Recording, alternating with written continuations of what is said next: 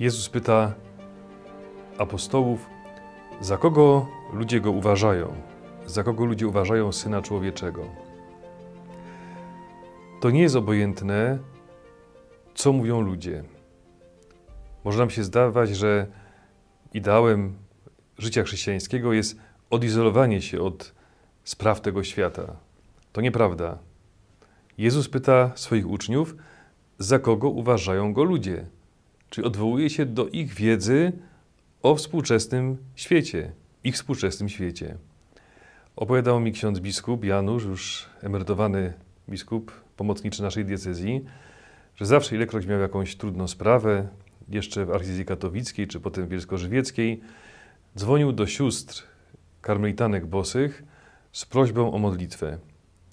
I te siostry, gdy mówił, że trzeba się modlić za jakiegoś księdza czy osobę świecką, pytały, a o co chodzi, jaka to sprawa? Mówi, czy to jest ważne? Ja proszę siostrę o modlitwę. Nie, księże biskupie. Żeby się modlić, potrzebujemy konkretów. I ksiądz biskup zawsze rano przy śniadaniu pytał, jakie są wiadomości, czy słyszeliśmy, co się mówi, co się dzieje. I kiedyś mówię, ja nie mam telewizora, jakoś tym się teraz nie miałem czasu interesować i zwrócił mi uwagę ksiądz biskup, interesuj się tym, co się dzieje w świecie i opowiedział właśnie tą historię. Jezus często odwołuje się do wiedzy swoich uczniów. Na przykład, gdy mówi, słyszeliście, że powiedziano, a ja wam powiadam. Moi drodzy, w pewnym momencie, kiedy apostołowie odpowiedzieli, za kogo świat im współczesny uważa Jezusa, pyta się Jezus ich, kierując bardzo indywidualne pytanie: A wy za kogo mnie uważacie? I wtedy święty Piotr udziela dobrej odpowiedzi. Można powiedzieć, że zdał egzamin. Ty jesteś Mesjasz, Syn Boży, jesteś Mesjaszem. Pamiętam taką sytuację z czasów studiów seminaryjnych. Mieliśmy egzamin z prawa kanonicznego i nasz profesor miał taki zwyczaj, że kiedy komuś szło dobrze na egzaminie, pytał, czy gra dalej. Jeżeli ten powiedział, że tak, dawał mu pytanie, które mogło podnieść ocenę. I miałem właśnie taką sytuację, zdaję egzamin, profesor mówi, jest już plus cztery, czy pan gra dalej? Zapytałem wtedy, y, a gdybym przegrał, to czy ocena będzie obniżona? No co by to była za gra, gdyby tylko jedna strona mogła wygrać? Więc odpowiedziałem na to pytanie i profesor mówi, dobrze, jest piątka. I zachęcony tym sukcesem zacząłem dopowiadać do tej swojej odpowiedzi. I wtedy, pamiętam, ksiądz profesor zakrył sobie uszy i mówi, nie, nie, tego to ja już nie słyszałem. Bo chciałem po prostu przedobrzyć. Y, okazał mi łaskę i podarował y, już to niestety niezbyt szczęśliwe dopowiedzenie. Dlaczego o tym wspominam? Bo podobnie było dzisiaj ze świętym Piotrem. Mówi, ty jesteś Mesjasz, zdaje egzamin. I wtedy Jezus, żeby jakby oczyścić jego rozumienie tego, kim jest Mesjasz, że Mesjasz to nie jest ktoś, kto przyjedzie jako wybawiciel spod niewoli, spod okupacji rzymskiej, ale to jest ktoś, kto będzie cierpiał, kto umrze w końcu oddając życie, y, w, to, w strasznej, przyjmując śmierć na krzyżu, w straszny sposób. Chce oczyścić to wyobrażenie, kim jest Mesjasz, i dlatego zapowiada swoją mękę i śmierć. I wtedy Piotr zaczyna protestować. Nie chce się z tym zgodzić. Jak gdyby dopowiada do swojej poprzedniej odpowiedzi. Jezus mówi wtedy: Zejdź mi z oczu, szatanie. Bardzo ostra ocena tego dopowiedzenia Piotra. Dlaczego Piotr nie chciał przyjąć tego, że Jezus będzie cierpiał?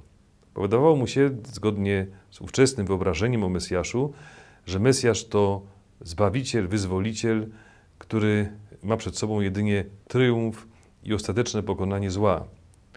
Nie brał pod uwagę, nie chciał dopuścić tej myśli, że Mesjasz może w ogóle cierpieć, może, może ponieść śmierć.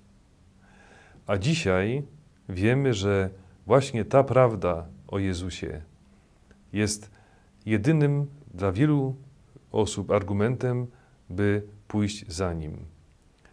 W tym roku miałem okazję uczestniczyć w uroczystościach związanych z 80. rocznicą śmierci świętego Maksymiliana Kolbe w Oświęcimiu i wraz z księdzem arcybiskupem Szykiem uklęknąć w celi śmierci świętego Maksymiliana.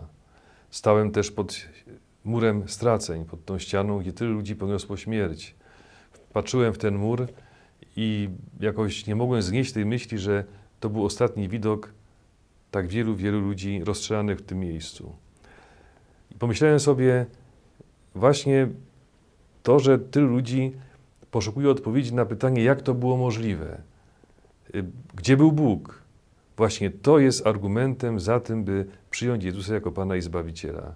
Bo ja, jako chrześcijanin, jako uczeń Jezusa, mogę im powiedzieć: Bóg był właśnie tam, w tych cierpiących ludziach. Bo Bóg to nie jest ktoś, kto w sposób chłodny ocenia nasze życie, tak na chłodno, patrząc z zewnątrz. To nie jest zegarmistrz, który nakręcił zegar świata i teraz zostawia go sobie samemu, a to jest ktoś, kto wchodzi w nasze cierpienie. Miałem okazję być wraz z księdzem biskupem i z drugim księdzem, moim młodszym kolegą, w szpitalu. Odwiedziliśmy jednego z naszych księży proboszczów, który bardzo ciężko zachorował. To był bardzo poważny nowotwór.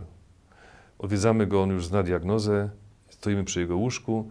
A tak się złożyło, że ten mój młodszy kolega w kapłaństwie, współbrat, miał za sobą białaczkę.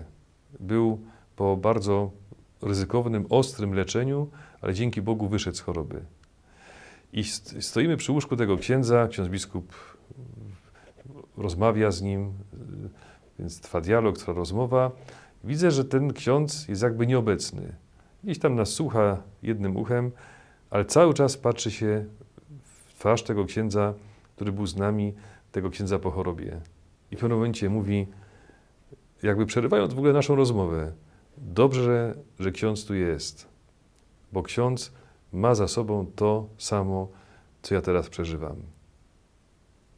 Dla niego o wiele ważniejsza niż rozmowa z nami, nawet ta rozmowa z księdzem biskupem, było to, że ksiądz, który przeszedł przez to samo, był obecny przy jego łóżku w tej chwili.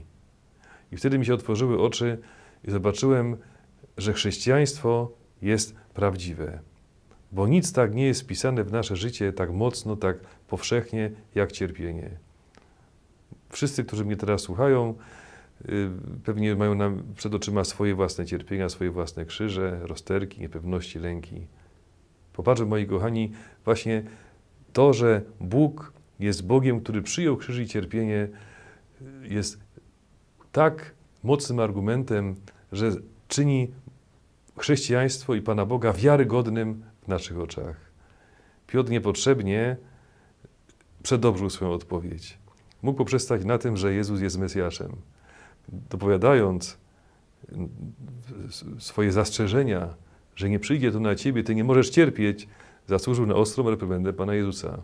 Widocznie była potrzebna, pewnie mu się przydała. Biblia nie jest księgą, w której jest tylko zapis wydarzeń historycznych.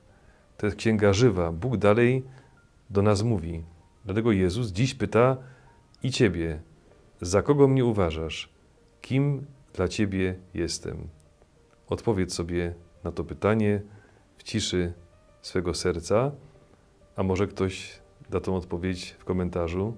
Kim jest dla ciebie Jezus Chrystus? Jeszcze jedno. Piotr nie wyznał tego, że Jezus jest Mesjaszem tak sam z siebie. Ciało i krew nie objawiły ci tego, ale mój Ojciec. Powiedział to pod wpływem Ducha Świętego. O tym, jak mocno i konkretnie działa Duch Święty w naszym życiu, rozmawiają ksiądz Mateusz z księdzem Piotrem. Posłuchajmy ich również. Warto